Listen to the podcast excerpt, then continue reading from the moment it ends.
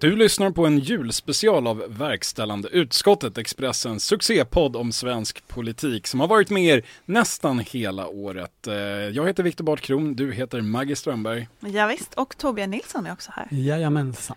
Och idag ska Verkställande utskottet behandla alla våra lyssnares frågor.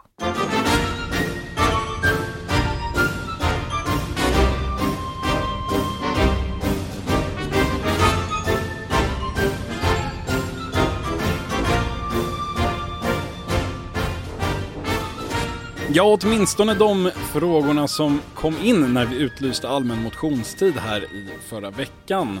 Eh, Och det var ju ett gäng Maggie, eller hur? Absolut, det var stort intresse. Många som ville veta saker.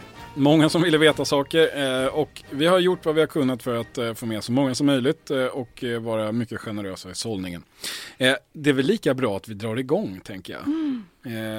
Vi, jag har frågorna här framför mig och så svarar vi efter bästa förmåga. Ja, Torbjörn, Mm. du är redo också? absolut. Underbart.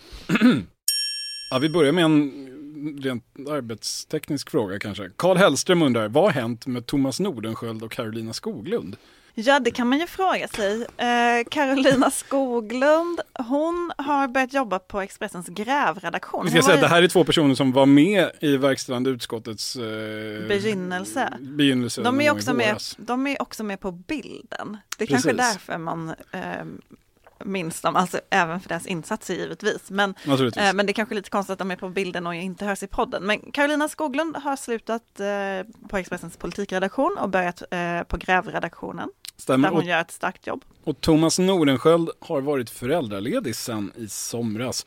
Men kommer att komma tillbaka ganska snart. Och då kommer ju du att vara föräldraledig, Viktor. Ja, don't mention the war. Men så är det. Eh, Thomas är tillbaka alltså i slutet av januari. När Carolina är tillbaka, det får vi se. Det är ingenting som är planerat. Nu lät det som att du och Thomas hade samma barn, men det har ni inte. Nej, Ni ska inte men, de är, men vi har faktiskt varit på samma BVC, men det är en helt annan historia. Eh, Andreas Bjärkmar undrar, vad är det Maggie vet om Miljöpartiet som hon inte har berättat? Jag vet jättemycket om Miljöpartiet som jag inte har berättat. Jag sitter till exempel på ganska kul skvaller om eh, vem en persons exfru dejtar. Men eh, jag tänker att det är är svagt allmänintresse, högt skvallervärde. Jag kommer inte berätta mer Alltså om perfekt det. för verkställande utskottets julspecial. Svårt att motivera den publiceringen. Ja, jag, vet väl, jag kan otroligt mycket skvaller. Men eh, Du, Han får ringa dig han, ring mig Andreas. Torbjörn, vet du någonting om Miljöpartiet som Maggie inte har berättat? Ingenting som inte kommer från Maggie, eh, höll jag på att säga. Eller det vill du att jag ska säga. Vidare, Martin Hoverberg undrar följande. Punkt 4 i januariavtalet om skatterna. Jag syftar på skattereformen då antar jag. Eh, finns det ambition att komma överens om någonting konkret innan mandatperiodens slut? Ett utredningsdirektiv åtminstone. Det låter nästan vädjande här. Eh, den allmänna uppfattningen är väl att svaret har varit nej, eller att det inte kommer bli någonting. Mm. Ja. Är det vad vi står fast vid efter lite koll på saken? Ja men det tror jag. Jag tror inte heller, jag, jag skickade faktiskt iväg några sms till lite budgetförhandlarfolk igår och eh, fick svar av typen vi hoppas fortfarande och någonting kommer nog komma den här mandatperioden. Alltså ett, eh, en, en ambition till ett utredningsdirektiv kanske. De kom, det är ingen som tror att de kommer komma överens om någonting, att de kommer vara klara den här mandatperioden. Det, det som har hänt och händer den här mandatperioden är ju liksom att externa aktörer av olika slag håller på med egna eh, stora skattereformer. Ja, det kan man lugnt säga. Eh, SNS och eh, olika ytterligare aktörer. Jag kan, jag kan inte dra alla i huvudet nu. Eh, men det är flera stycken där det liksom pågår utredningsarbete. Jag tänker mig att det blir det så att säga bestående eh, av den där punkten i januariavtalet. Att det liksom tas fram massa förslag som, som kan nog sjösättas efter nästa mandatperiod. det det som om det är- finns någon regering som vill ha dem. Det är det som är arbetsrätten då, att man helt enkelt bara tar Claes Eklunds eh, skatteutredning och så tjongar man in den som lagstiftning. Det skulle ju vara spännande, men jag tror inte det. Nej, jag tror, jag tror att det där, är- det, det, som jag uppfattar det så, så är det blir en begravningspunkt. Vidare. Den här, hörni. Mhm. Fredrik undrar. Vilken fråga kommer Medborgerlig Samling få sitt genombrott med? Och därefter nå riksdagen? ska säga, Medborgerlig Samling är alltså ett eh, parti som eh, hette Borgerlig Framtid från början om jag minns helt rätt. De var väldigt aktiva på Facebook inför valet 2018. Eh, ansågs, hade själva väldigt go goda förhoppningar om att komma in, fick 0,15 procent och ett kommunfullmäktige mandat i Laholm om jag är helt Oj, det är Laholm mm. av alla ställen. Torbjörn, eh, du har en teori om det här. Ja, jag, jag tänker på vilken fråga kommer de komma in? Och jag tänker att frågeställaren där nailar själva dilemmat för Medborgerlig Samling, att de inte har en fråga. Alltså, och det fick mig att tänka på ett annat parti som hade ungefär samma profil av liksom någon slags allmänborgerlighet och ganska hög svansföring av att vi är intellektuellt eh, storartade. Till skillnad från alla andra politiska partier. Eh, nämligen junilistan.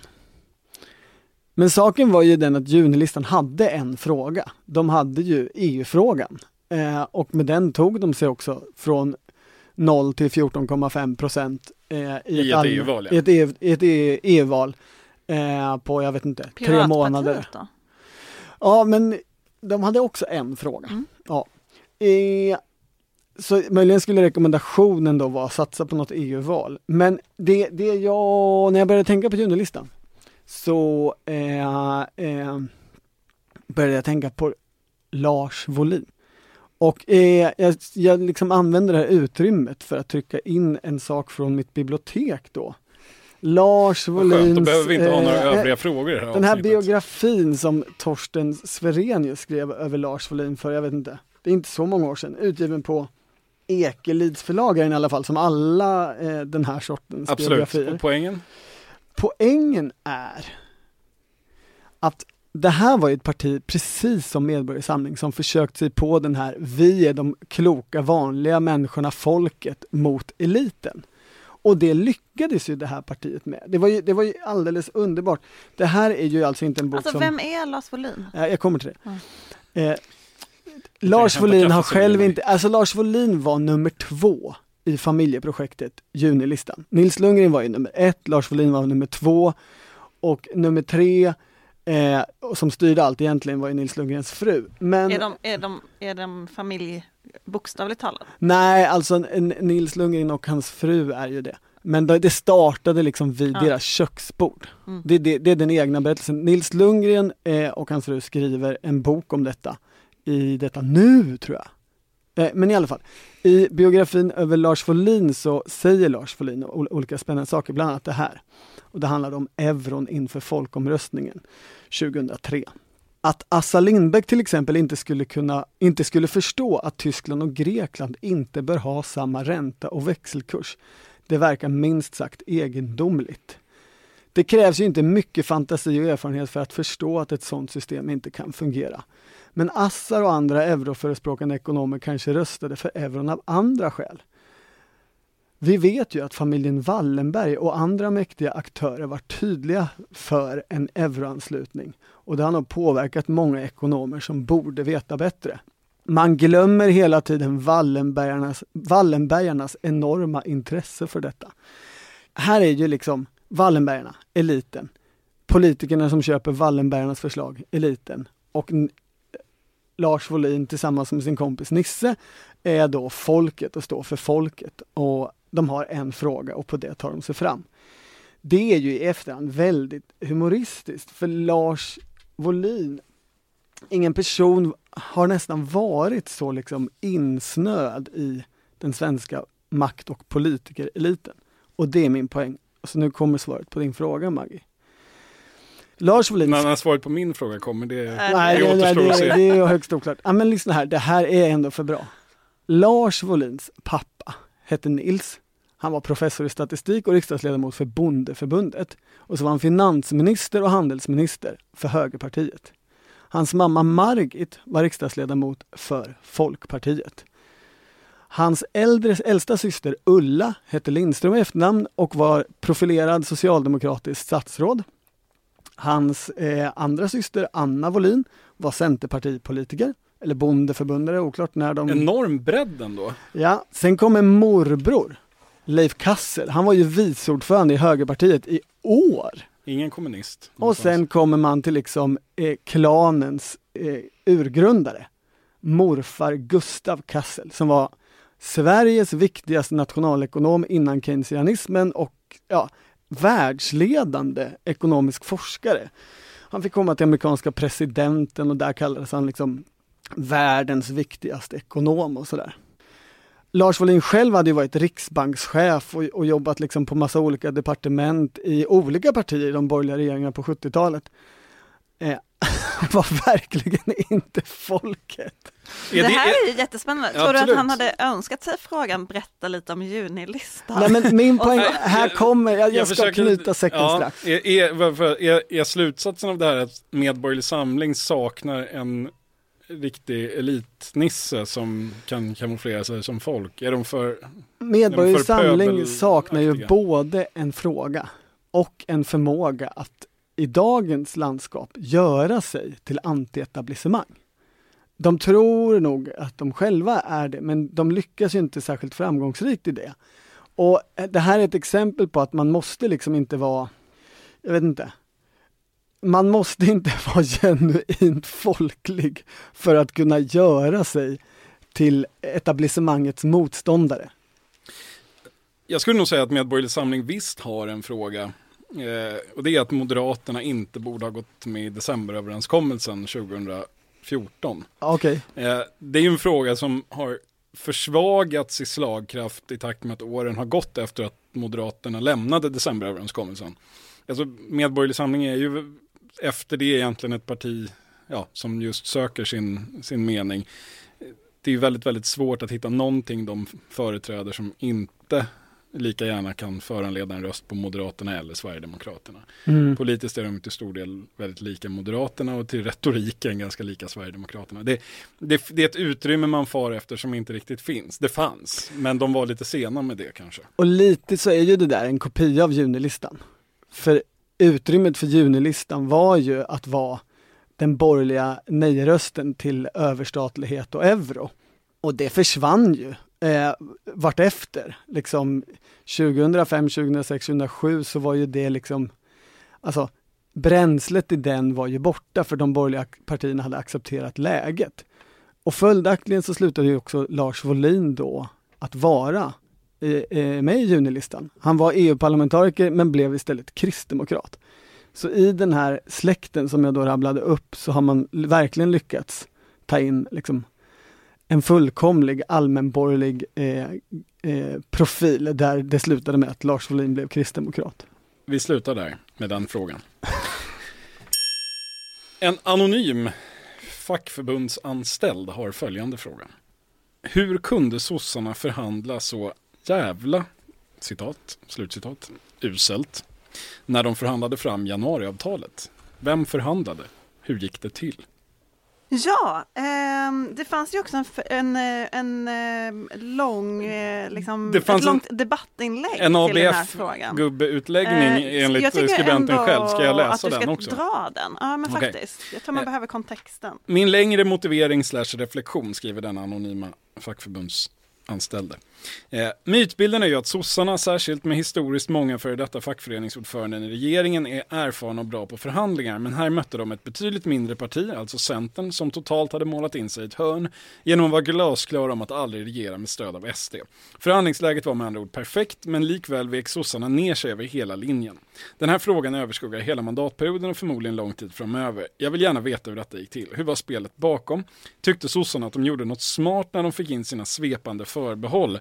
till exempel inte förändra balansen etc. Var det bara broilers och högersossar som förhandlade? Parentes, det är en sanning bland oss fackförbundsanställda att ordförandena inte vet ett dugg om förhandlingsarbete. De skakar hand när allt börjar och skriver under när det är klart. Ja, det var ju en, en kul eh, fråga. Mångbot, mångbottnad verkligen. Man vill ju veta mer om Vad va, var formuleringen? Var det bara broilers och högersossar som förhandlade? Eh, Svaret men, på den frågan är ju ja. Är ju ja. Där kan man börja. det, de som förhandlade för Socialdemokraterna var ju Thomas Eneroth som var där i egenskap av personen som hade lyckats sy ihop decemberöverenskommelsen och därför var betrodd att förhandla med borgerliga eh, personer. Det var Magdalena Andersson, finansministern, hennes statssekreterare Max Elger, Ehm, mycket handlade ju om liksom budgetfrågor, han var ju budgetstatssekreterare då. Och sen var väl Mats Andersson med om jag minns rätt, ehm, sam, statssekreterare på samordningskansliet. Jag tror, tror att jag sett honom på bild eh, därifrån. Ehm, och mot slutet så kom ju Mikael Damberg in också Um, och sen var det ju vissa liksom För någon mer... kände att det saknas en högerskola. men sen fanns det också personer som typ Irene Wennemo var inne och förhandlade arbetsrätten. Alltså det fanns en del så personer som var inne på, på vissa ämnen. Um, ett problem som um, Centern och Liberalerna såg, det var ju att Stefan Löfven själv inte var med i förhandlingarna, vilket är väldigt vanligt i hur socialdemokrater förhandlar, väldigt ovanligt i hur alliansen förhandlar. De brukar ha partiledarna i rummet. Eh, och de uppfattade det som oseriöst att Löfven inte var där. De trodde att Socialdemokraterna inte är intresserade av att komma överens egentligen. Och ännu mer ovanligt specifikt i partiet Centerpartiet som har som eh, partimedlemmar själva säger, den, den kontrollfreaket Annie Lööf som partiledare. Och det spännande här är ju att Centerpartiets framgångsstory, den handlar ju kring de här förhandlingarna ganska mycket om när Annie sätter sig ensam i rum med Stefan och vad som händer då. Mm. Så, så deras story är ju liksom, kan man, bara, kan man bara skjuta saker ända fram till att Stefan Löfven faktiskt måste kliva in och möta härskarinnan Annie Lööf då åker sossarna på däng. Och ur det rummet kommer Stefan mm. Löfven och då måste Socialdemokraterna genomföra det han har gått med på i det där rummet. Oklart om detta är sant. Jag har chippat efter andan den här gången, jag försökt bryta in. Men, ähm, Förlåt. Äh, jag kan muta hans mikrofon. Ja men det vore, det vore bra tills den här frågan är över i alla fall. Nej du får jättegärna fylla i Torbjörn. Men äh, jag tänker att den här själva äh, ABF-utläggningen Eh, den lider ju av, av eh, en, vad, vad, ska man kalla det, efterklokhet. Alltså i efterhand så ser man ju mycket tydligt att Centerpartiet hade målat in sig i ett hörn och att Socialdemokraterna kunde begära vad som helst. Jag tror, alltså när man tittar med den här personens ögon, jag menar inte att det var så, för att jag tror inte att någon i rummet upplevde det så eh, när man förhandlade. Alltså i andra omgången av förhandlingar, efter att Centerpartiet hade sagt nej första gången, då parallellförhandlade ju Centerpartiet också med Moderaterna om den här SD-klausulen. Eh, bland socialdemokrater fanns det ju hela tiden en tanke om att Centerpartiet vill inte egentligen det här. Eh, det är därför de Eh, är så konstiga i förhandlingsrummet. De här partierna förstod ju inte varandra alls. De var helt ovana vid att förhandla med varandra. De tyckte att den andra var helt knäpp hela tiden.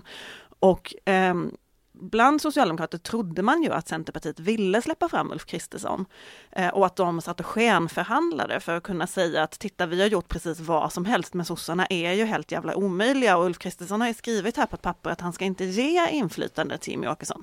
Det var ju liksom den tanken som rörde sig i deras huvud. Eh, så att jag, jag, jag tror inte att någon läste läget som att Centerpartiet redan hade bestämt sig, som det kan kännas i efterhand. Omgång nummer två förhandlade ju Centerpartiet och Socialdemokraterna också själva väldigt mycket. Det är ju intressant när man tänker på Liberalerna som ju också var en faktor här, de var liksom inte med. Miljöpartiet var inte heller och med. Mm. Alltså, eh, plötsligt kom de S och C tillbaka från förhandlingar och hade förhandlat bort den här nyckelbiotopsinventeringen som var jätteviktig för Miljöpartiet, som var liksom en kärnfråga för Miljöpartiet. Och då var Socialdemokraterna tvungna att betala Miljöpartiet med lite extra migrationsgrejer som kompensation. Så jag tror att för Socialdemokraterna var ju detta också ett problem, att man hade, plötsligt skulle man liksom betala massa olika småpartier som hade olika hjärtefrågor. Mm. Men Centern var ju det viktigaste. Absolut. För det var ju de som satt på de avgörande mandaten eh, mellan blocken så att säga. Absolut. Miljöpartiet hade kanske inte riktigt den utvägen. Så de, Nej. De, att de skulle gå och köpa var väl inte. Men i första förhandlingsomgången var det ju Jan Björklund som ställde till med mest bekymmer, som det berättades då. Det var han som flippade ut över att eh, Jonas Sjöstedt kom med krav och mm. det var liksom men det är ju, det, man ser ju också att Centerpartiet hade en, en, stark position i efterhand när saker har, har, kommit fram, just som det där, alltså den där dominoeffekten som du beskriver, Maggie, av att liksom för Centerpartiet är det jätteviktigt i det där skedet med nyckelbiotopsinventeringen. Och eh, då bara struntar Socialdemokraterna i vad miljöpartister kan, kan tänka sig om det och är då sen beredda att betala med någonting som gör så pass ont, borde göra ont i alla fall, som liksom ytterligare oklarheter om migrationspolitik. det är ett högt pris för Socialdemokraterna man kan läsa faktiskt väldigt mycket detaljer kring hur själva förhandlingarna gick till i den här statsvetarboken 134 dagar som släpptes relativt nyligen. Och eh, om ett antal år, jag kommer inte ihåg om det var tio år, så ska ju också deras intervjuer som är gjorda, de är, är ju anonyma, alltså bakgrundsintervjuer i själva boken, men de ska ju offentliggöras för att tillgängliggöras för annan forskning om, jag tror det var 10 år eller om det var 15. Mm. Mm. Så då kan man ju också läsa lite mer. Då så kan man vänta tuned, på, så kommer det ett mycket bättre svar. Men jag tror i alla fall här, i den här boken så är det också många upprörda socialdemokrater som tycker att deras vinster har liksom underskattats medialt, att de fick ändå igenom mycket och att, att mycket av det som är Centerpartiets segrar egentligen är kompromisser och att just den här meningen om grundläggande balans är ju en stor seger för dem och så vidare. Det kan man ju liksom värdera hur man vill, men jag tror inte heller att man ska underskatta Socialdemokraternas långsiktiga projekt här.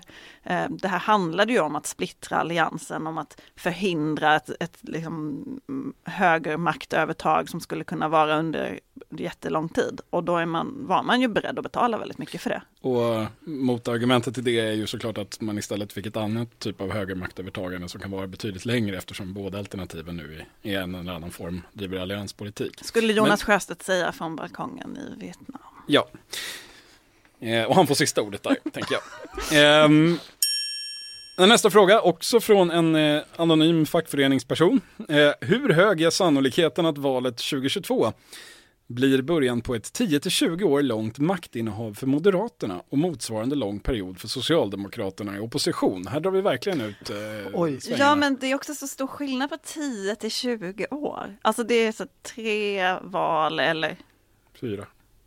Är det fy, fem, fem, val? Ja, nej jag vet inte. Det känns, eh, Sannolikheten är väl låg? Ja, ja det, det skulle jag, jag säga.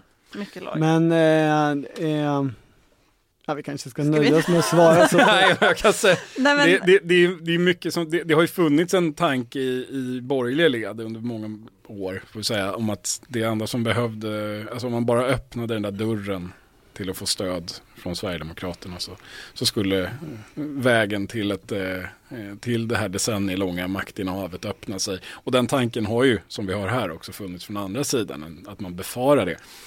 Jag tror väl att den alltid har varit lite över, överdriven. Nu ser vi ju dels så räckte det med att man gläntade på den dörren för att eh, det inte skulle bli något maktinnehav alls. Att man istället skulle spränga borgerligheten och öppna nya linjer.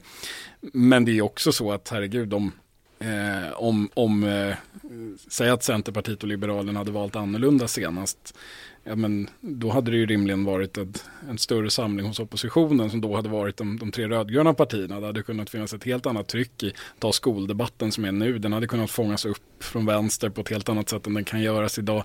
Det hade funnits tryck i en massa olika frågor som det hade jämnat ut sig, det brukar jämna ut sig. När, när det finns två, två sidor så brukar det uh, så, så jag menar möjligheten, man, och det var ju ett argument från vänsterkritiker i socialdemokratin varför man kanske hade, det hade varit bättre att inte ta alla de här kostnaderna för att splittra alliansen. Det hade varit bättre om alliansen hade satt sig i ett olyckligt äktenskap med Sverigedemokraterna och så hade man kunnat bygga en, en stark opposition till det och sen ta över med en riktigt rödgrön politik 2022 istället. Jag, jag tänker också att det är ju svårt att samarbeta det är svårt att, att samarbeta eh, även med partier som man har samarbetat med länge och att då samarbeta med, med ett parti som Sverigedemokraterna som inte har någon vana av samarbete överhuvudtaget, som är, har en väldigt speciell partikultur, otroligt toppstyrd, liten klick män som bestämmer allt. Eh, det ska bli, om, om det blir så ska det bli väldigt intressant att se hur det mm. gå. Ibland när man lyssnar på Ebba Busch så låter ju hon som att ja, men det är bara att komma överens lite hit och komma överens lite dit med folk i olika frågor. Men jag menar, man har ju en sammanhållen budgetprocess och sen så, eh, ja men det, det är rätt mycket som ska till för att få ett samarbete att fungera under lång tid. Jag menar de långa regeringsinnehav vi har sett, om vi pratar 10-20 år, då handlar det om ett parti som har haft det, mm. inte en, en konstellation. Ja, och det är väl möjligen svaret på frågan. Alltså, om några partier snarare än att lyckas samarbeta med några andra partier så är ju saken att om några partier lyckas få ett par andra partier att åka ur Sveriges riksdag, då kan det ju börja hända saker. Det är ju, det är ju liksom den kortaste vägen till någon form av stabilare regeringsinnehav, eh, tänker jag. Karl-Anders Jansson undrar följande. Hur kom det sig att alla demokratiska partier i Sverige i inledningen av pandemin förklarade sig själva som inkompetenta och istället överlät styret av landet till en expertmyndighet som nu visat sig vara just inkompetent. Vi får kalla det där en agendadrivande fråga, men Ja, icke desto mindre kan vi ju försöka ord. besvara den. Jag tycker att man ser en skillnad eh, hos Eh, partiledarna idag som jag tror beror på att man hade väldigt lite kunskap i början av det här. Alltså ehm, när Ulf Kristersson sa att jag är inte hobbyepidemiolog och jag har inte hunnit utbilda mig till det under helgen eller vad han nu sa. Då låg det nog ganska mycket i att han tyckte att han faktiskt inte förstod saken. Men idag tycker liksom alla partiledare att de har ganska stor förståelse för R-tal och smittspridning och, och, och eh, jag vet inte, olika typer av smittvägar. K-tal är det väl man pratar om nu. Aha, det, vad är Vad är det? det? Nej, det kan jag inte svara på. Och jag blev plötsligt osäker på Du om vill det var inte leka bokstäver. hobbyepidemiolog? Nej, jag läste något i The Atlantic. Jag får läsa det igen. Så jag kan Ja, redogöra svara det. på frågan istället. Nej, men jag tror, att, jag tror som du. Mag. Eh, liksom att det, det har ju skett en enorm förändring. Men under den tiden så har man ju heller inte liksom klarat av eller velat formulera ett riktigt alternativ. Fast man, nu, nu famlar ju ändå eh, partierna efter det om man säger idén om borgfred som var otroligt dominerande till en början. Alltså den här första frågestunden som Stefan Löfven hade i riksdagen efter att vi hade allmän smittspridning i Sverige när alla bara stod och hyllade honom och, och de var så här, du är så fantastisk och vi är så bra på att samarbeta och kan vi samarbeta lite mer och kan vi hjälpa dig på något sätt? Det, det var liksom frågorna. Ehm, det fanns ju noll kritik verkligen. Ehm, det, det var ju en idé man hade när man inte heller var medveten om vilket tidsperspektiv det var på den här krisen, när man trodde att det handlade om några veckor. Ja, det, det är en sak som jag har tänkt i efterhand och som, som inte diskuteras så mycket just nu. Det, det är ju just med den där tidsperspektivgrejen, där, där upplevde man att, all, att det liksom utvecklades konsensus väldigt fort, särskilt bland ekonomerna. Där var ju liksom, det här ska, det, vi, vi ska betrakta det här som en nedfrysningsperiod på tre månader, en, en extra semester och det får vi liksom hitta på ett sätt att få fram pengar till och sen är det slut. Och, och det är ju en av de kanske mest naiva eh, sakerna från liksom, pandemins första två månader, eh, sett i efterhand. Eh, men det formade ju så väldigt mycket av andra beslut, tror jag. Utan att riktigt kunna bevisa det. Jag vill säga en sak till. Jag kom på vad K-tal var. Jo, K-tal är, är, som jag tror var att det hette K, det är som R-tal, alltså smittspridningsnivån eh, eh, och, och hur fort det sker. Fast när man räknar i kluster. Och nu när man tänker sig att det här viruset är liksom en klustersmitta så bör man istället ta hänsyn till detta tal snarare än R-talet, hävdar en del. Jag slänger in att det också handlar om otal, alltså opinionssiffror. Det, var ju, stod ju Ja. väldigt tidigt klart att Folkhälsomyndighetens förtroende och Anders Tegnells förtroende var väldigt, väldigt, väldigt högt. Eh, och det gav väl inte de bästa incitamenten att eh, utmana detta. Sverigedemokraterna försökte ju, drog sig undan och suckade över att det gick ju inte för det var ingen som ville lyssna. Och sen så anpassade de sig i alla fall i några månader. Så det, det, den faktorn fanns väl i spel också. Petter Birgersson undrar, vad var är mitten i svensk politik? Ledarskribent på Trelleborgs Allehanda, så han kan ju också ha en agenda med den här frågan. Ja, men den är lite oklar. Ja. Men bara håll Den traditionella bilden av vad mitten är, är ju att det är den som kan samarbeta åt båda håll i någon mening. Mm. Eller den som står i mitten av en skala som då traditionellt är rangerad från vänster till höger på en ekonomisk politisk axel. Det är Mm. väl liksom också att den, och då anses traditionellt Centerpartiet och Liberalerna vara mittenpartierna. I någon mening stämmer ju det fortfarande eftersom det är de partierna som då, eh, när vi nu ser den här nya formeringen i ett rödgrönt, en rödgrön trio till vänster, en blåblå, eller ja, det kanske blir en politisk agenda att använda färger i det här sammanhanget. Vi säger, vi säger en MKD, SD, ett, ett sånt kluster Japp. på den andra sidan. Och så då två partier som, som ändå, åtminstone sist, stod och velade däremellan. Eh, så blir ju de någon form av definitionsmässig mitt, absolut. Men det är väl frågan om man verkligen kan säga att de står för en central position i den svenska politiska idévärlden nu för tiden. Mm. Vad säger du om det Torbjörn? Ja, Jag, tänk, ja, jag tänker nog i samma banor och det för mig så landar jag i att mitten i svensk politik var länge vad SNS skrev. Alltså näringslivssponsrade studieförbundet Näringsliv och samhälle. Och idag existerar ingen mitten. Så, tänker jag. Det är väl det lite grann som gör, gör allting så himla komplicerat. Men pro problemet är väl att den idépolitiska mitten finns någonstans i skärningspunkten så här, typ till vänster i Moderaterna, till höger i Socialdemokraterna snarare än i, ja, Liberalerna kanske är på väg mot den punkten också. Centerpartiet är ju definitivt inte där om man ser en, den här två liksom, skalan med eh, så kallade värderingsskalan som, som då eh, korsar höger, vänster, ekonomisk politiska skalan. Så är det väl snarare så att en, en eh, lagom hård för eh, sosse som tycker att skatterna är ungefär bra som de är, ligger ganska nära mitten. Eller en eh, något pragmatiskt orienterad moderat. Eh, där någonstans. Men eftersom de ändå inte vill samarbeta med varandra så dras ju den reellt existerande skalan ut och så hamnar Centern där i alla fall. För inte så länge sedan så var det ju, tyckte vi ju att det var ett demokratiskt problem, alltså vi som är liksom samtidens allmänna tykonomer, eh, att det var att alla partier samlades i mitten och det var ett så stort problem att alla var mitten och alla ville samma sak och nu är ingen i mitten. Nej, för ingen vet riktigt vad mitten är. Det men det är en väldigt attraktiv position får vi säga. Alla vill ju uppfattas som mitten. Därför alla ska väljare man vara ganska... uppfattar sig som mitten. Ja, det är med. Ja, inte riktigt alla, men en väldigt, väldigt stor andel. Ja, apropå mitten. Eh, Isak Kupersmitt, eh, som har kopplingar till Centerpartiet, ska vi säga, för eh, tydlighets skull. Han skriver Hej! Utropstecken. Jag skulle en gång för alla vilja ha svar på vem som är eller har potential att bli Sveriges Macron. Jag nominerar Aida Hadzialic, Emil Källström, Benjamin Dosa och Emma Wisner.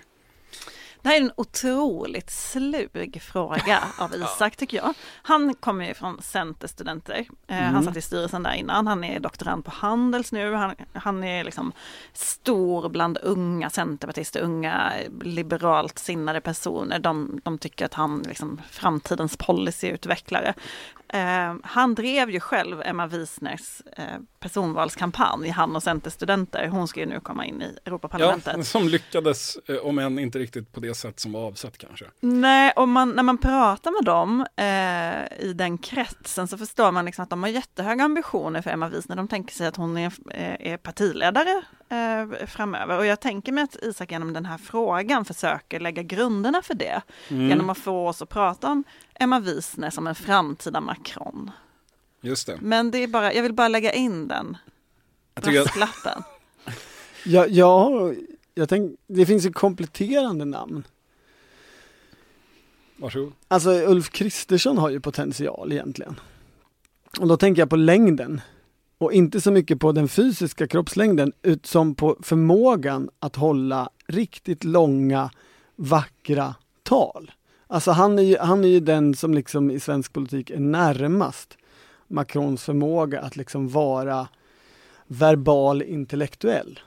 Och det är ju, är, tänker jag, som inte kan jättemycket om fransk politik, liksom grundgrejen alltså, i fenomenet men Macron. Är, ja, inte poängen att man ska, är inte poängen att man ska hitta en ny mitt? Att man ska liksom, eh, bryta sig loss från det som finns och skapa hopp Ja, det, är Ulf Kristersson hoppfullheten? Det, det som jag tror Isak Kupersmitt missar, det han missar här med sina kandidater, alltså, det Macron gjorde var ju ett slags här...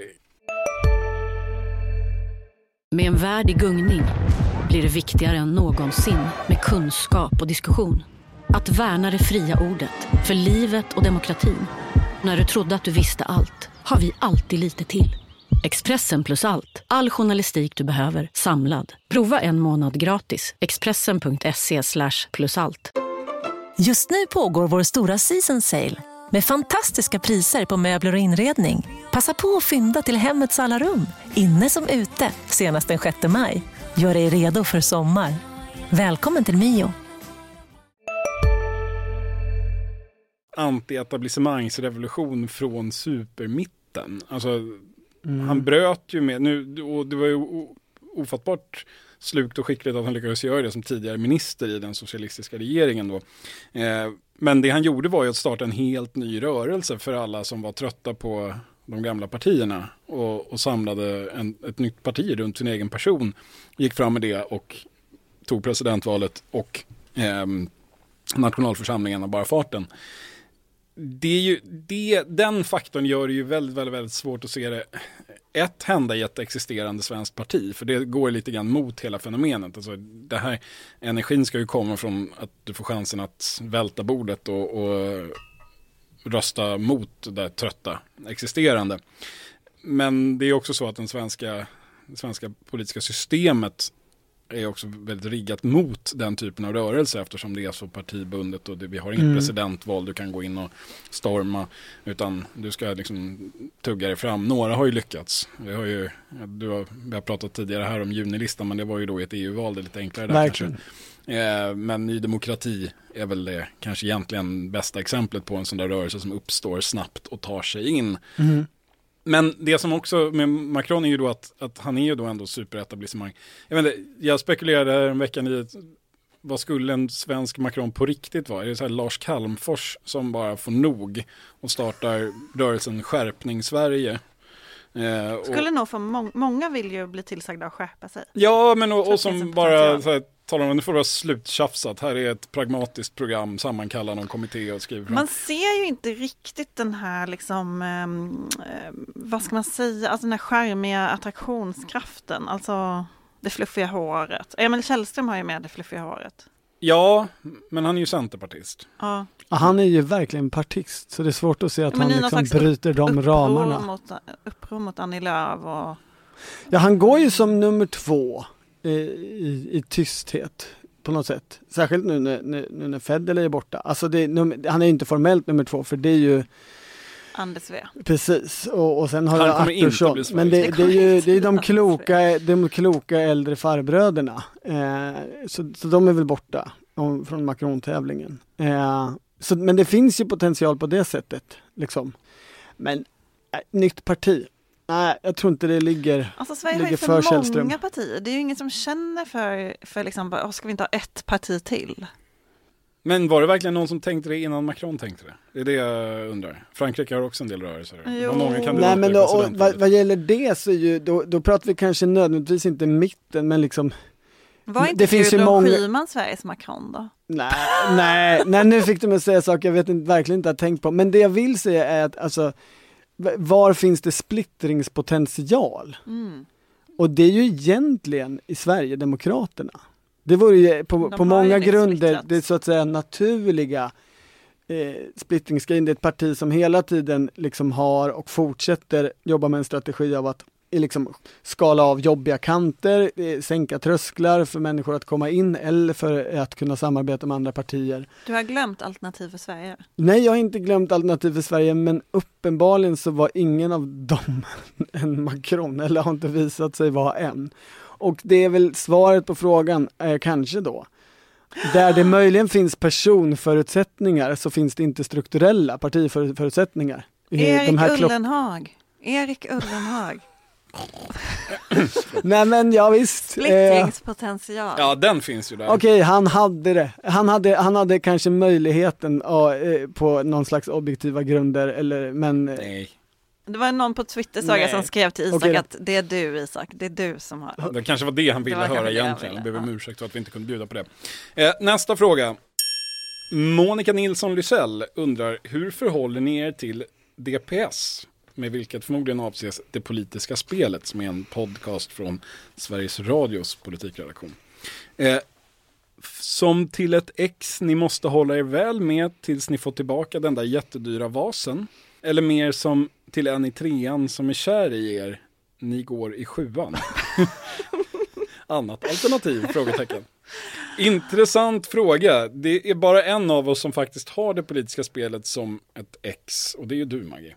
Ja, nej men... Känner du att du ehm, måste hålla dig nej, väl för du har fått tillbaka den jättedyra vasen? Nej, men det är en väldigt rolig fråga på så sätt att ehm, det politiska spelet pratar ju ofta om oss i sin podd och vi pratar väldigt sällan om dem. Så det skulle ju tala för det där med trean, någon i trean som är kär i en och vi går i sjuan. Mm. Men jag tror att det har mer att göra med att vi kommer på onsdagar och de på torsdagar. Så att de tvingas alltid förhålla sig till oss och vi slipper det av rent liksom publicistiskt tekniska Ja, och- och- utgivningsdatum. Och möjligen att Henrik Torehammar är mer generös än vad någon av oss är.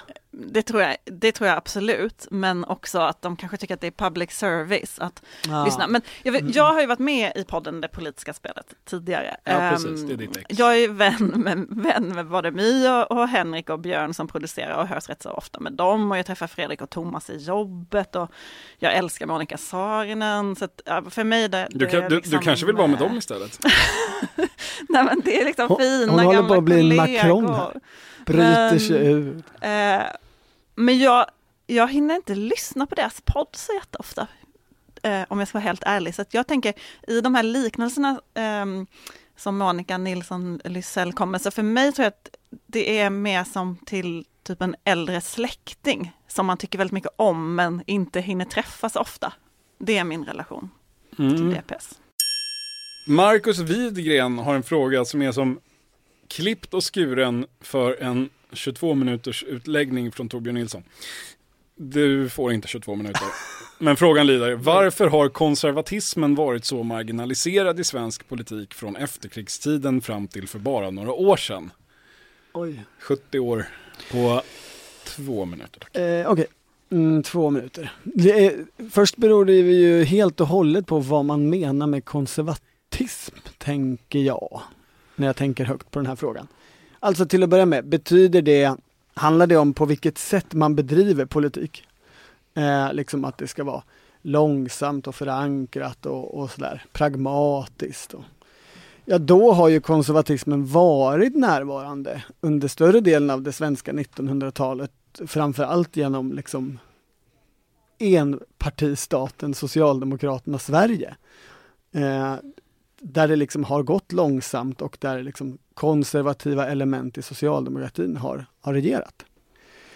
Menar man istället en liksom nationalkonservatism eller en, en konservatism av liksom där man eh, värdesätter hierarkier och, och sådana saker.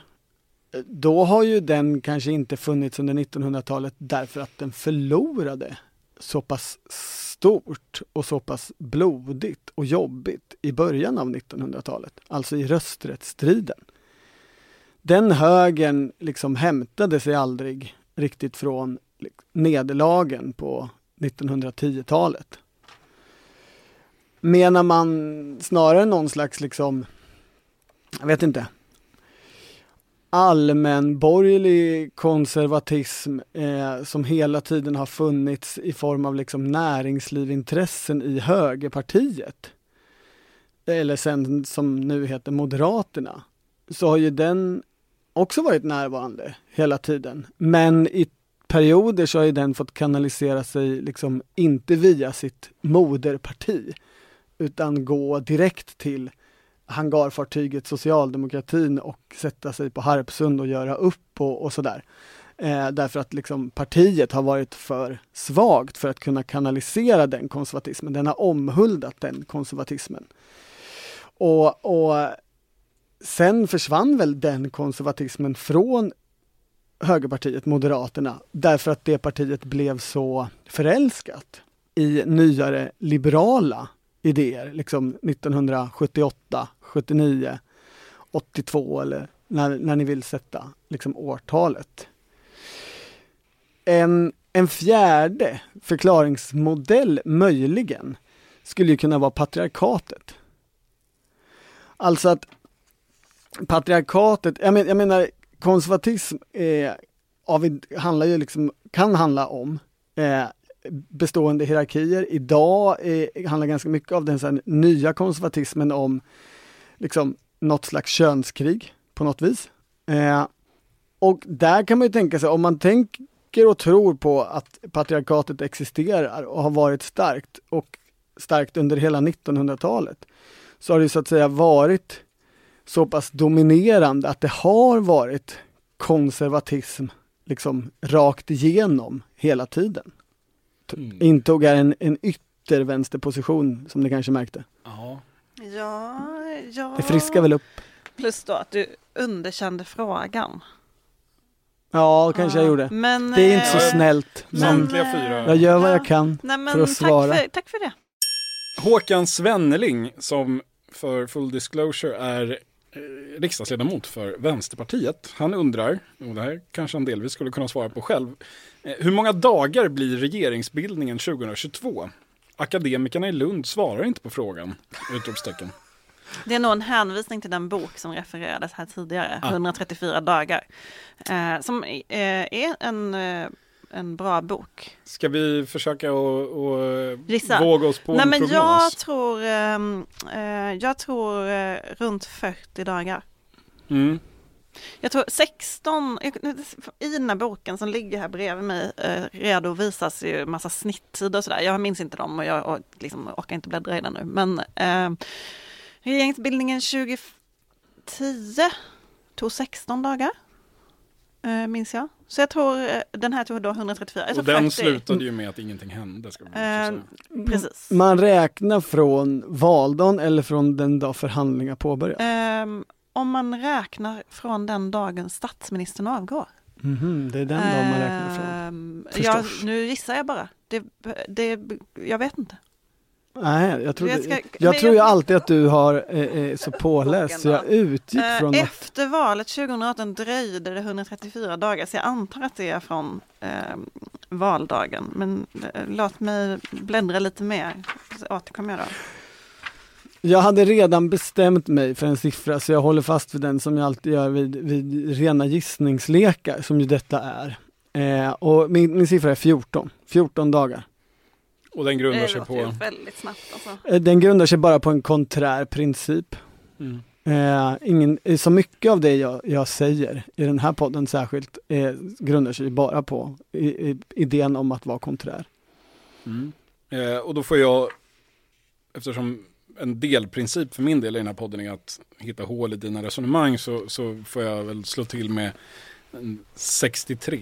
Okej, Jag tror ändå att det, det, det mycket talar ändå för att Centerpartiet kommer att vara inblandat på ett eller annat sätt och det vet vi av erfarenhet borgar för långbänk. Sen är ju tillräckligt mycket klart. Ja, Maggie? Eh, Jag skulle vilja säga att det fanns 256 teoretiskt möjliga regeringsalternativ efter valet 2018. Det är tur att vi har statsvetare. Hur skulle vi annars veta? Eh, Sen valdagen 134 dagar. sen valdagen. Ja. Okej, Ja, men jag säger fortfarande vet vi 63. det i alla fall och kan meddela det till riksdagsledamoten Svenneling. Mm. Ja. Från vänsterpartistiska riksdagsledamöter går vi nu vidare till anonyma PR-konsulter med bakgrund i Moderaterna. Ja, just det. Det här eh, är ju um, Per Rosenkrantz, uh, före detta kommunikationsopinionschef uh, i Moderaterna. Nu mera på Johan Jakobssons gamla PR-byrå, vad heter den? Eh, en- Nordic Public Affairs. Exakt. Han vågade... Han, han, Känd från Du outar honom Nej här. men eh, jag, jag fick det. Jag, jag fick också skämta om honom. Nej, men, eh, Jag tycker inte att du gjorde det eh, särskilt bra. Då. Han ville inte mm, eh, skriva offentligt den här frågan på Twitter för Ah, att han var rädd att den skulle uppfattas som spinn. Så han DMade Vilket den, mig vilket, vilket den är också. Ja, den är säga. 100% spinn. Ja. Den lyder i alla fall så här. Nu har ni i alla fall det med när ni hör den.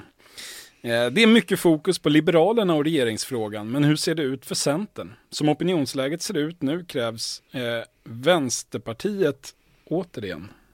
För att bilda regering. Ja. Eh, krävs Vänsterpartiet för att bilda regering och allt tyder väl på att de inte kommer att släppa fram en regering utan kompromisser slash inflytande. Mot den bakgrunden borde regeringsfrågan bli svårare för Centerpartiet. Eh, likväl om Liberalerna inte är med utan om Centern är ensamt icke-vänsterparti i den rödgröna regeringsbildningen. Eh, tycker Centerns val och de frågor de kommer få inför valet diskas av lite för fort nu, trots att detta är, som jag uppfattar det i alla fall, inte helt okontroversiellt internt i Centerpartiet. Eh, ni förstår frågan, Mm. Den mån det är en Mm. fråga överhuvudtaget. Eh, och, eller mer en reflektion från, från läktaren. Jo, men det, det Jag tycker dock att det är en väldigt intressant fråga, även Verkligen. om det är spinn. Eh, och jag har inget svar på den här frågan, men jag tänker mig att det här är någonting vi kommer verkligen liksom re- försöka reda ut framöver. Ja, och det är väl det som gör, ger en extra laddning till den här höstens många debatter, bland annat här i Expressen TV minns jag mellan eh, Annie Lööf och Nooshi Dadgostar. Eh, det är ju inte en gång under den här hösten där liksom ytterligheterna i svensk politik har stått och debatterat och de har varit en del av Stefan Löfvens regeringsunderlag. Den här mandatperioden inte i förhandlingar med varandra, men allt, det har han ju rätt i, eh, den gode Rosenkrantz. Allt talar ju för att de kommer att behöva sitta vid samma bord nästa gång om det eh, ska bli någon ny eh, rödgrön eh, grön regering.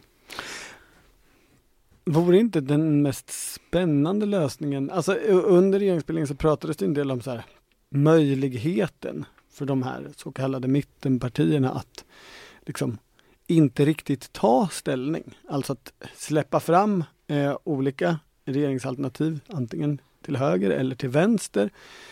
Eh, och liksom inta en, en tydlig oppositionsroll eh, utan skrivna avtal och sådana där saker.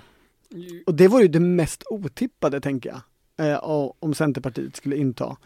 Eh, för, för där målade man sig, ju- man har ju liksom målat in sig ganska mycket med sin argumentation om att vi är ett ansvarstagande, pragmatiskt parti som har varit med och styrt i massa kommuner och styr i massa regioner och vi tar alltid ansvar. Jo, men problemet med den, det förhållningssättet är ju att det blir ju ett passivt stöd till den sida som råkar vara störst då av de sidor som faktiskt tar ställning. Alltså i nuläget så är det så att skulle Centern och Liberalerna sätta sig på läktaren och säga vi är jätteopposition, då skulle Ulf Kristersson kunna tillträda och regera utan några större bekymmer eftersom Moderaterna, KD och SD är större än de rödgröna. Det blir någon slags decemberöverenskommelse på speed, fast som bara Centern själv Jag skojade ju om det un- under regeringsbildningen att så här, om Centern fortsätter vara så här omöjliga så kommer de andra till slut göra en överenskommelse, alltså de rödgröna och högern, om att största block ska regera och så måste vi utesluta de liberala partierna från inflytande på det sättet. En slags decemberöverenskommelse mot COL. Ja. Det blev inte så, det blev tvärtom. Men, men det där komplicerar ju menar jag, livet Ja. för Centern framförallt väldigt mycket. De, särskilt eftersom de själva, för det här var ju vad Kristersson erbjöd. Och det avfärdar man med att vi kan inte släppa fram en regering som stöder sig på Sverigedemokraterna. Men jag- Plus, att han då, plus att han då erbjöd att de, han också skulle driva deras politik. Ja, det var ju det utan han att själv förhandla med var dem, generöst. utan att förhandla med Sverigedemokraterna så var det väldigt, det var väldigt magiskt hur han skulle få igenom den här politiken. Men, Men, jag, strunt i det nu. nu men det jag tänker klart. då teoretiskt här att det där är ju, skulle ju ska, kunna skapa den riktiga vågmästarpositionen. Alltså det som har visat sig vara något av ett dilemma den här mandatperioden är ju att man är liksom låst i förhandlingar skedda i ett visst politiskt läge där vissa frågor är stora, eh, där vissa styrkeförhållanden råder. medan eh, liksom massa saker händer under en mandatperiod. Under den här eh, händer, hände, eh, eller händer en pandemi. Det förändrar ju allt, alltså hela liksom budgetutrymmet, allting är ju upp och ner. Men då är man ganska låst vid det där avtalet och kan inte riktigt använda sin riktiga vågmästarposition. Alltså så här, hota med att inte säga ja till saker fem minuter innan eh, finansministern ska gå in och, och läsa sin, sin budget i riksdagen. Du tror inte att det är, det, det är så de gör?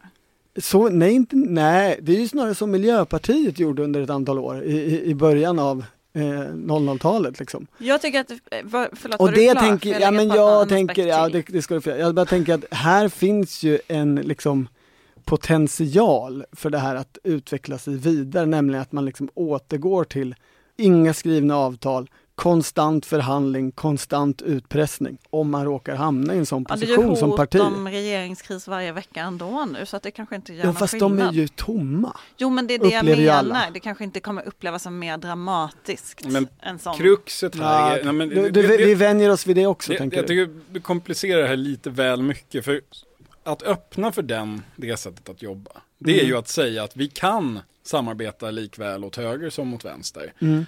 Och sekunden du gör det, då kommer du ju vara en del i högerlaget. Det är bara att titta på sakpolitiken. Det är ju det som är liksom, alltså i, i de allra, allra flesta fall. Ja, om, om, om vänster Mm. och höger är lika goda kålsupare som samarbetspartners för Centerpartiet, då blir det ju en Kristersson-regering. Och det är där man kommer hitta den absolut största samhörigheten eh, i de liksom, grundläggande... Eller så blir det de som ger bäst stil om strandskyddet och biotopskyddet. Absolut, i enskilda frågor, De men- sakerna. Men jag tror men då ändå är att då vinner nog ändå högersidan. Jag, Det är, det, det, är ju, det är ju ingen tvekan om vilka som skulle ge bäst strandskydd och eh, Nej, nyckelbiotop också till, är- till Centern heller. det är en bra budgivning. Men jag skulle vilja lyfta en annan sak som jag Ja, tycker hemskt eh, det ändå kan pratas relativt lite om och det är ändå relationen Centerpartiet-Moderaterna. Alltså är Moderaterna helt ointresserade av att lappa ihop något med Centerpartiet? Den förtroendekris som startade under regeringsbildningen, när, som liksom från Annie Lööfs perspektiv är att hon inte fick lov att sondera för Ulf Kristersson, att han gick fram med 321. Eh, ja, och sen så då Annis dubbelspel som gjorde samma sak med Moderaterna och Ulf Kristersson. Vad, vad liksom, finns det någon idé om att lappa ihop den och på vilken nivå och hur, hur fungerar det? Det vill jag också veta. Det finns ju en idé på Timbro. Men det är ju en reprisidé av eh, liksom 90-talsprojektet Ekumeniken som ju just Ulf Kristersson drev från Timbro. Eh, så Ihop de, med Mikael Ertusson? Ja, precis. Och några andra. Eh, men på Timbro så håller man nu på med någon slags antologi om framtidens borgerlighet som ska komma om, jag vet inte, ett par månader kanske. Där just, det, det är liksom moderater och centerpartister som nog håller i, i liksom eh, pennorna i första hand. Eh, men det där, det är ju svårt att se att liksom, Behövs det ett partiledarbyte i sådana fall? Ekumeniken, bara att det hette så, det är så spännande, eh, liksom kan återupprepa sig. Tänker jag. jag tror att det, att det mer är som du är inne på, så här, vill Moderaterna som parti detta och kan de visa det? Har de anser de sig ha liksom råd med det, eh, både väljarmässigt och för sin egen stolthet kanske? Det är otroligt intressant hur det där kommer att påverka nästa valrörelse. Just, alltså, det, tanken att man kan tjäna, de slåss ju också i inte så liten grad om, om samma väljare de här två partierna. Mm. Eh, hur mycket strid man väljer att ta med varandra med vetskapen om vad som eventuellt kan behöva göras efter valet. Ebba Busch väljer ju att ta strid med Annie. Ja, Det men hon har heller väldigt få i gemensamma jultalet. väljarintressen. Vi pratade ju för ett par veckor sedan om det här med väljarnas andrahandspreferenser i SCBs kartläggning. Där är det ju så att det finns en ganska stor överlappning mellan just Moderater och Centerpartiet. Eh, det är en del Centerväljare som har Moderaterna som andrahandsval, vice versa fortfarande. Om än inte alls i lika hög grad som för några år sedan, medan Kristdemokraterna är helt, eh, helt inne i högerloopen. Eh, så mm, väldigt, väldigt spännande. Jag vill säga en sak som inte riktigt har med detta att göra och det är typiskt mig och den här podden. Nu, du sa Ebba Busch väljer att ta den striden, inte minst tydligt i hennes jultal. Jag tänkte att, ja, det, eh, liksom på, i, i, i orden hon sa, så var ju det ett angrepp på Värnamo-liberalismen och på Annie Lööf personligen. Men i stunden jag hörde det så tänkte jag, de som blir arga över det här, det är ju hälften av de aktiva moderaterna och minst hälften av moderaternas väljare. Det är ju de som, som liksom, det är, det är ju de hon angriper i sitt angrepp på liberalismen. Och i reaktionerna så kom det ju också sådana, alltså den suraste jag läst var ju PJ Anders Linder på Mm, Access. jag. Jag Och jag menar. PJ Anders Linder är inte liksom profilerad som en utpräglad eh, hyperliberal person. Han tyckte att det här var liksom dumheter och blev genuint sur. Så de hon liksom gör tjura i, i, i sin liksom, nu ska vi slå på eh, liksom den dumma liberalismen, det är ju kärnan av det moderata partiet. Det, liksom, det är ju hennes statsministerkandidat. Vi rusar mot mållinjen.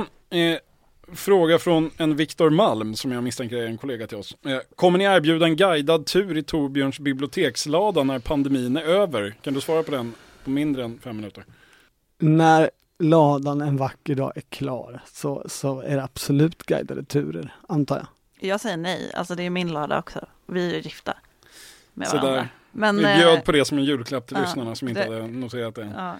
Ehm, jag tänker att det är en potentiell intäktsström i framtiden för Expressen och verkställande utskottet. Så jag är inte säker på att du har så mycket att säga till om där Maggie. Och inte du heller Torbjörn.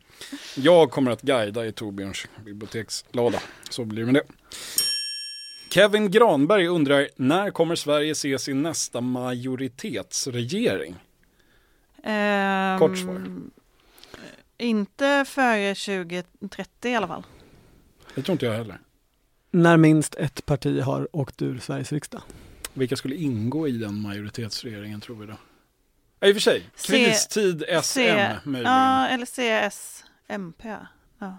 Fast? MP åker väl ut. Ja, men CSMP kommer inte räcka till Ja, majoritet. Men 20, jag vet inte. 2030, jag, 2030 alltså vem vet. Eller alltså SD. jag har Vi säger aning. 2030, ingen kommer komma ihåg att vi sa det, det är bra. Sista ordet går i och för sig inte till frågeställaren utan till någon av oss, men Helga Gimse skriver så här. Ta en ny runda på vilka, det här refererar förmodligen till vår eh, tidigare frågepodd. Ta en ny runda på vilken partiledare som är först med att meddela avgång. Kanske för enkelt så redovisa gärna pallplatser.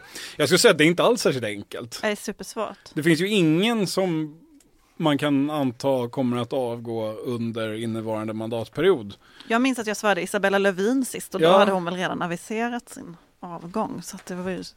Ja, jag svarade väl Jonas Sjöstedt. Han Ja. hade försökt avgå Men gånger, jag lyckas. skulle ändå, jag kan försöka mig på Gör gärna en eh, topp tre då. Då tror jag, eh, då sätter jag eh, Nyamko Sabuni som nummer ett. Mhm.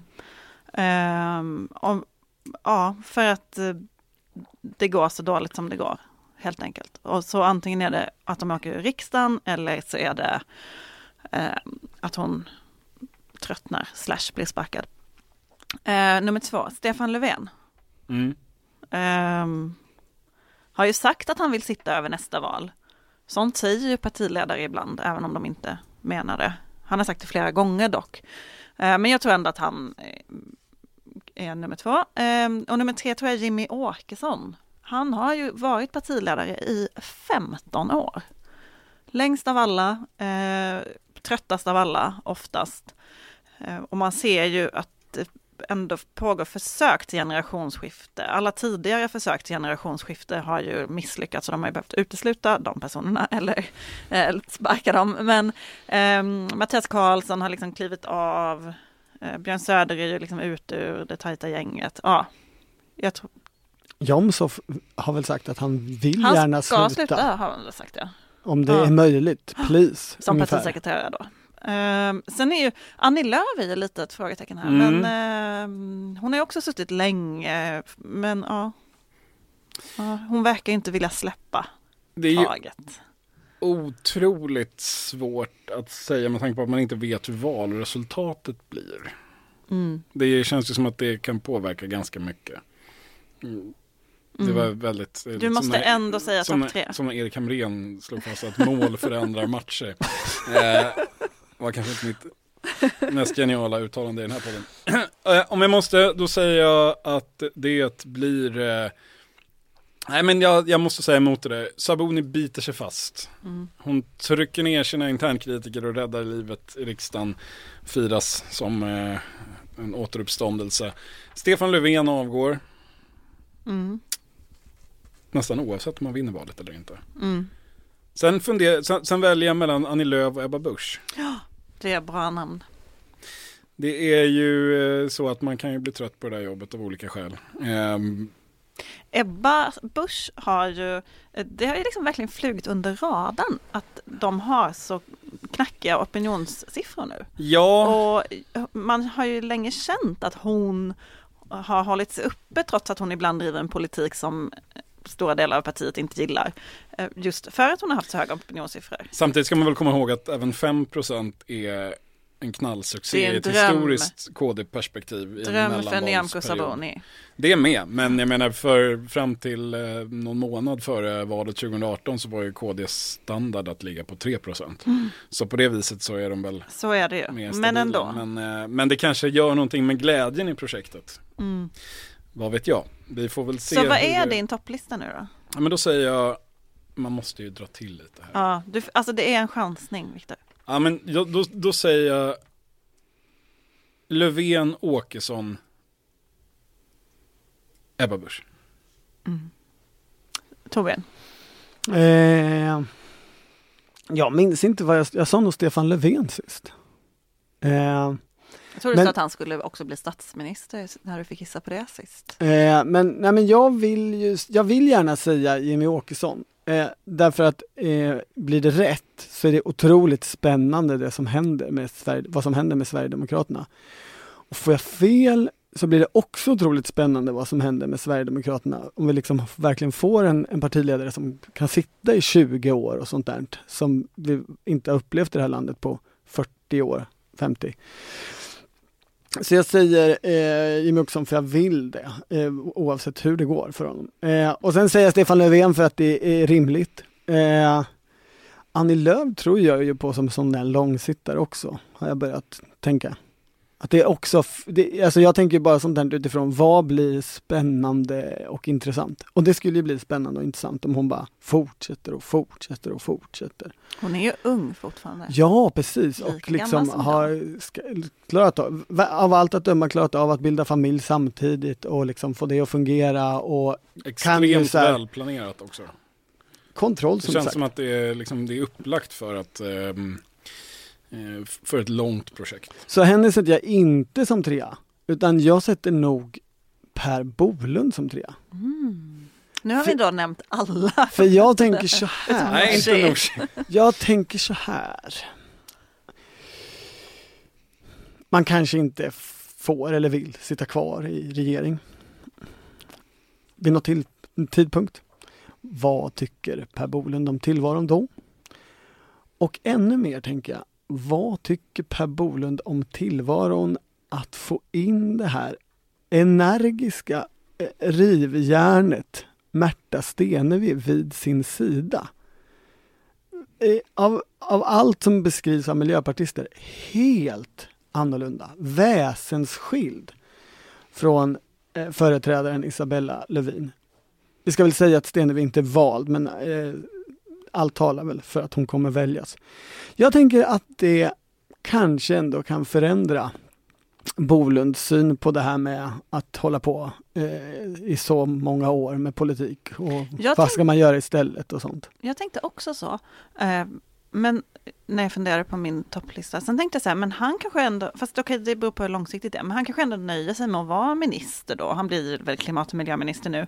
Och så kan han liksom, kan, kan Märta Stenevi få hålla på med partiet, så liksom lutar han sig Slipper tillbaka. han det, tänker ja, lite så. Eh, Jo men det är alltså, det är ju verkligen fullt möjligt att det att Per Bolund kanske, ja men ja okej, du tänker tvärtom ja, jo jag förstår. Eh, per Bolund kommer bli glad för att han slipper partiet och det får liksom Märta Stenevi rodda hur Det, är bäst ju hon ingen, vill. eh, det skulle inte vara en ny företeelse att två språk här inte helt kommer överens. Så att, eh, Nej, men de, alltså Bolund och Lövin verkar ju ha gjort det. Men det är bara väldigt svårt. Och det tänker jag blir en förändring. Oavsett vem som skulle komma in och göra det är väldigt svårt att se Per Bolund i en konflikt med en annan människa. Mm. Men det Ehm, kanske är någonting som Han pågår hade väl konflikt med S när han var i Stockholmspolitiken tror jag, att han avbröt samarbetet med dem, men det var ju opposition. Men ehm, det, det är liksom den strid jag känner till att han har tagit i sin eh, politiska karriär. Men eh, Isabella Lövin sa ju i P1 Morgon dagen efter att hon hade sagt att hon skulle sluta, att eh, det var väldigt svårt att komma in bredvid Gustav Fridolin. Mm. Hon kanske inte använde ordet väldigt, men, men det tyckte jag var ett intressant erkännande. Det där har man ju, känner man ju igen sen alltid med Gustaf Fridolin, att många tycker att han tar mycket plats Mm. när man är en duo. På det sättet är det väl lite fint då i denna julspecial om vi avrundar med Per Bolund. För han är ju jultomten på många sätt. Snäll mot alla. Eh, tar inga konflikter. Så då slutar det med att min spaning är helt fel. Verkställande utskottets julsammanträde är därmed över.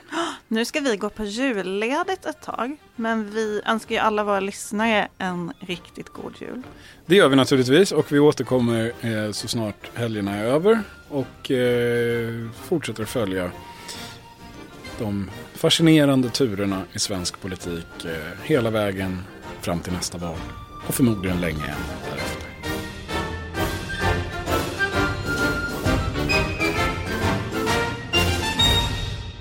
Du har lyssnat på en podcast från Expressen.